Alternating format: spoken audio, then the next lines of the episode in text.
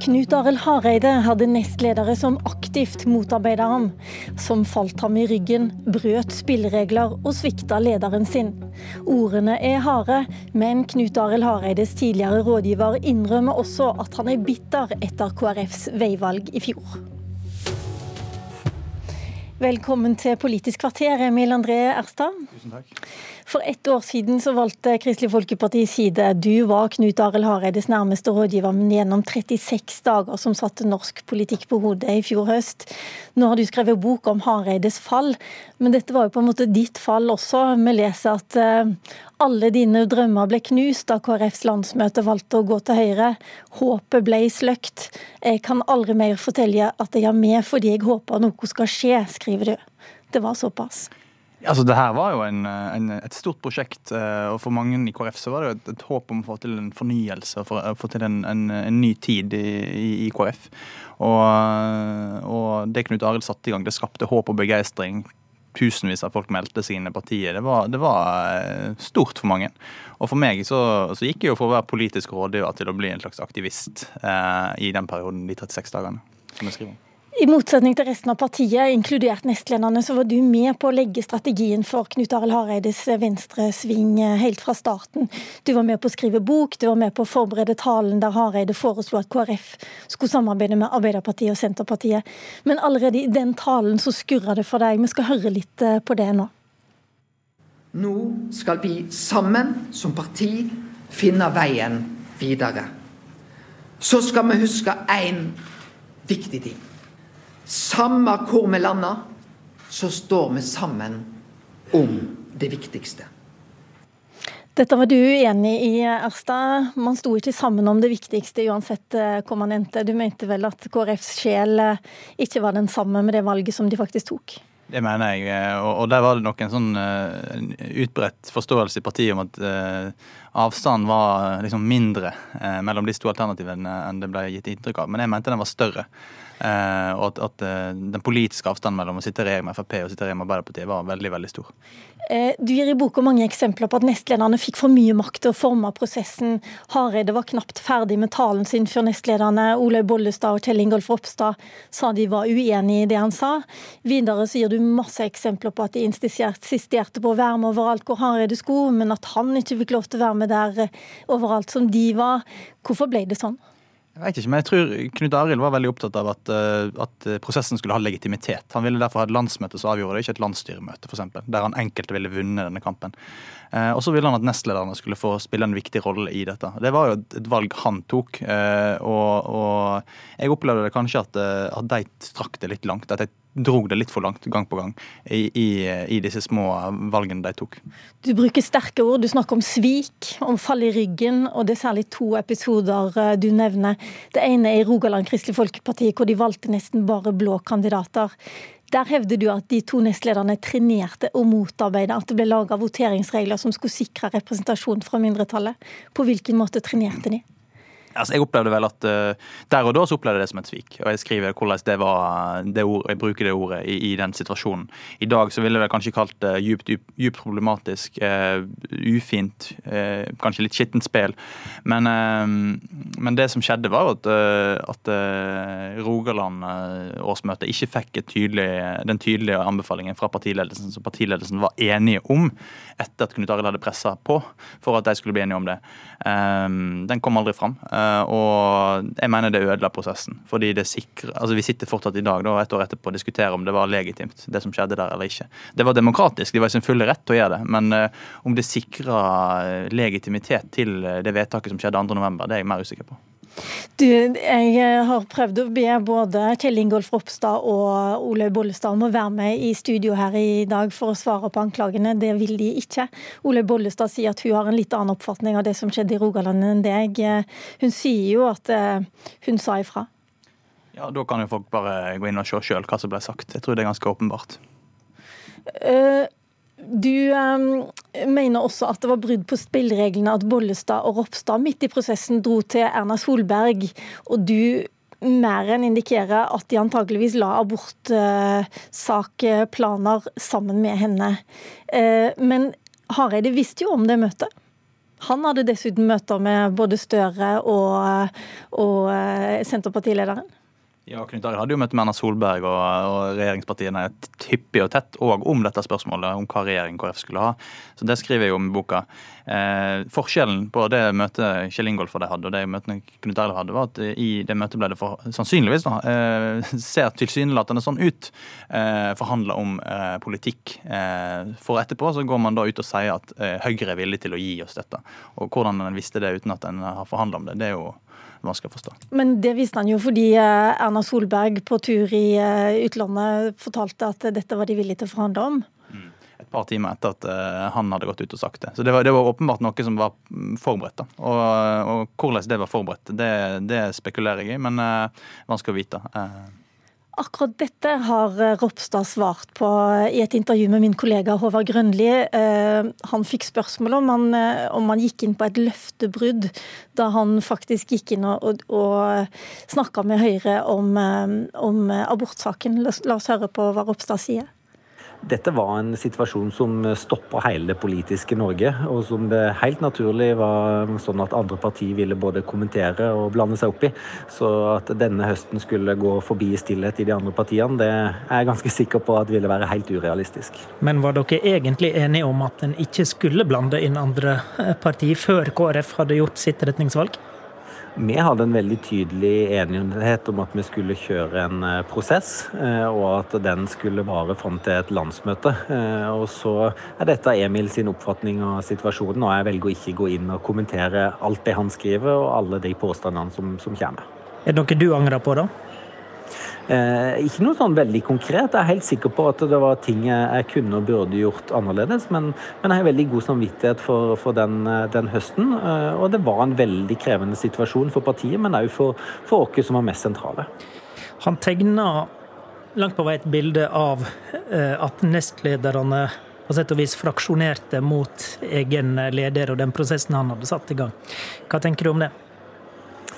Dette var en veldig krevende situasjon for hele partiet. og Når partilederen eh, valgte å gå ut sånn som han gjorde med sin eh, anbefaling til partiet om et retningsvalg, så, så var det veldig krevende. Så, og Vi visste godt at uh, vi var uenige i, spørsmålet, og vi gjorde det vi kunne for å holde partiet samla. Derfor er jeg veldig glad for at jeg har god kontakt med, med Knut Arild Hareide og, og, gode råd og støtte fra, fra, han i det arbeidet vi gjør nå. For vi visste at uansett utfall så ville det òg være krevende for partiet å samles etterpå. Ja, Emil André Erstad, Hareide og Ropstad framsto som gode venner hele tida. Og det er vel også sånn at Hareide sjøl kunne ha dratt til Rogaland uansett. Han kunne ha fortalt om retningslinjene sjøl. Han kunne sagt før at han ville gå av om han ikke fikk viljen sin. Og han kunne jo til og med ha snakka med Støre om et politisk utspill, hvis han ville det.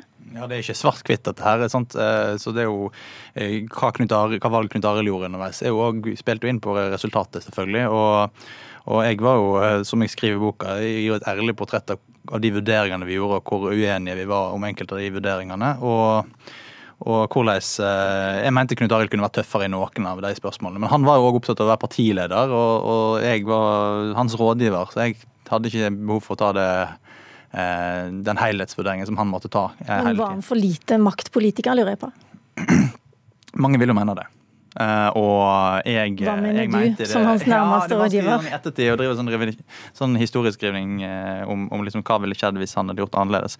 Det kan hende at vi ville provosert på større motreaksjoner hvis han hadde vært tydeligere. Uh, men jeg mente der og da underveis om høsten at han kunne vært tydeligere. Så det, det står jeg for. La oss høre med to politiske redaktører som har kommet inn i studio hos oss. Kristelig Folkeparti valgte altså å gå inn i regjering, og derfor kom denne boken om Hareides fall.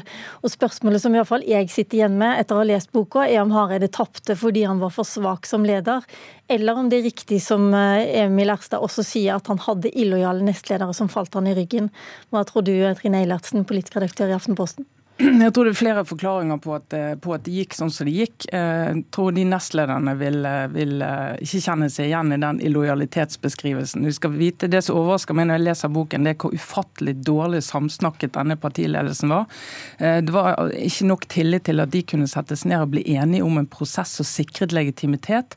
Du lager spilleregler underveis. Hvordan skal delegatene plukkes fra fylkene? Det har skapt, skapt og det sitter igjen enda, misstemning og mistenksomhet uenighet. Sånn at en dårlig prosess pga. en partiledelse som ikke har tillit nok til hverandre, kan det se ut som. Eh, som snakker mer med tidligere partiledere og tidligere KrF-topper og andre partier enn med sin egen partiledelse, gjør at når Start skulle gå for denne prosessen, så har Knut Arild Hareide et forsprang. Nestlederne blir stående og vingle i et par uker, faktisk. Enda hvor kort tid de har. Og så begynner de å jobbe. Og det ble jo en helt eh, hodeløs prosess som endte der han endte. Eh, og kunne ha endt et helt annet sted, også med en helt annen prosess. Berit Aalborg, politisk redaktør i Vårt Land. Er det også din oppfatning at uh, Knut Arild Hareide kunne ha lagt dette opp på en annen måte, og dermed fått et annet resultat? Ja, akkurat det tror jeg han kunne gjort. Og så er det veldig mye diskusjon om han var svak. Og jeg tror ikke svak er en riktig beskrivelse, men han, han var jo helt åpenbart veldig opptatt av å få med seg hele demok den liksom, demokratiske prosessen i KrF. Um, og så, så, mener jo jeg at det at man faktisk Jeg tror det var veldig viktig at Erna Solberg altså viktig for prosessen at Erna Solberg gikk så tungt inn. Og det hadde hun jo faktisk sagt at hun ikke skulle gjøre. Så det fikk veldig mye å si. Og så eh, disse nestlederne underveis eh, brøyt jo disse eh, på en måte spillereglene de da hadde lagt. Det er klart, Jeg er enig med Trine Eilertsen at man kunne sikkert hatt flere spilleregler, men det, det framstår jo som om de også brøyt det. For det blei jo sagt på veldig mange partimøter også at man hadde disse spillereglene. Skal de da kritiseres for det, lurer jeg på, eller er det en name of the game? Det er altså, ingen søndagsskole, heller ja, ikke. Det er det heller ikke. Og jeg tror jo, altså, Ropstad sier jo her at det var en krevende prosess. Og det, det, tror jeg nok har innvirka på han.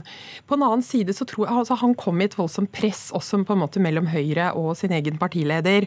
Men, men, eh, men jeg, jeg, mener at det er på et eller annet vis sånn at det å liksom bryte de klare reglene også sannsynligvis vil bli stående i kritikken mot han, og det vil gi han mindre legitimitet. Så det var nok uheldig at det skjedde, for hans egen del også. Hva mener du, Eilertsen, kan Ropstad kritiseres eh, for dette abortutspillet, eller syns du at eh, dette måtte man forvente? Det var mye som sto på spill her. Ja, altså Å si at du har eh, en regel om at du ikke skal løfte en av de sakene du er mest engasjert i som KrF-politiker, det, det, blir jo veldig rart. Også, eh, det var vel ikke poenget. Poenget var vel å avtale med, med, Høyre, ja, eventuelt, det, det vet, som de indikerer. Det er ingen av oss som var på det møtet og vet i hva grad det ble avtalt, eller vet om han kom inn og sa at dette har jeg lyst til å, å forhandle med dere om. Er det rom for å forhandle om det? Og så sier de det er det rom for. Det vet jo ikke vi. Vi var, vi var jo ikke der. Vi. Og så hvor det kom fra.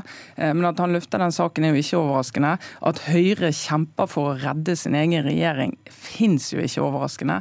Så kan du definere at andre partier går inn i prosessen. Det, det tror jeg kommer an på hvem som ser eh, på det. da. Eh, men Knut Arild Hareide, i motsetning til sin rådgiver, var jo veldig opptatt av at det skulle stå et så samlet parti igjen som mulig 2.11. Og Det var jo derfor han hadde lyst til å åpne for at også den andre siden skulle få lov å jobbe med toppfolk ute i fylkene og argumentere. For han sier jo det, han var på et møte senest i går der han sa hadde jeg bare reist helt alene rundt, og ikke de hadde fått lov å, å argumentere også, så hadde det, hvis vi falt ned på andre siden, så hadde ikke det hatt legitimitet. Så han gjorde jo, når han først satte i gang, gjorde jo han det han kunne for at prosessen skulle få legitimitet. Og det er jo, det er jo god ledelse. Men, men litt grann til 2C, for du sier at han er mest engasjert i den 2C saken. 2C er altså abortparagrafen som eh, ble mye snakk om etterpå, ja. og som aldri ble noe av, faktisk. Nei, det ble aldri noe av. Men det som er liksom litt paradoksalt da, med, med paragraf 2C, er at den har ikke vært, eh, altså den har ikke vært eh, foreslått på Stortinget på 20 år. Sånn at det at det var den saken Ropstad var mest engasjert i akkurat 2C, det fremstår litt underlig. Det, ble, det var en sak som, som, på mange måter ble brukt politisk. Alle vi som har fulgt eh, norsk politikk vet at det var en sak som ikke kunne kommet gjennom fordi at verken Høyre, Fremskrittspartiet eller Venstre ville godtatt det. Så det var en sak som helt åpenbart var en slags spillsak. Emil Erstad sitter her fortsatt. Jeg må bare spørre deg, Er du fortsatt medlem i KrF? Jeg er fortsatt medlem i KrF, men jeg vurderer det medlemskapet fortløpende. Hvordan blir det med KrF eh, framover? Eh, nå spør jeg kommentatorene her veldig kort til slutt. Eh, Eilertsen, du hører mange som, som Erstad vurderer å melde seg ut, eller har gjort det. Kommer de til å samles igjen? Jeg vil tro at en god del meldtes ut, men som Knut Arild Hareide sa i går, vi visste når vi gikk inn i dette at vi kom til å få en avskalling fra, det, fra den siden som ikke vinner denne kampen. Så det har vært helt forutsigbart. Og Så er spørsmålet om de klarer å finne nye velgere. Og det er jo eh, ikke sikkert om eh, uansett hva utfallet hadde blitt. Hareide ville heller ikke komme i Politisk kvarter for å diskutere bok i dag, men jeg er veldig glad for at dere gjorde det. Trine Eilertsen, Berit Aalborg og Emil André Erstad, tusen takk.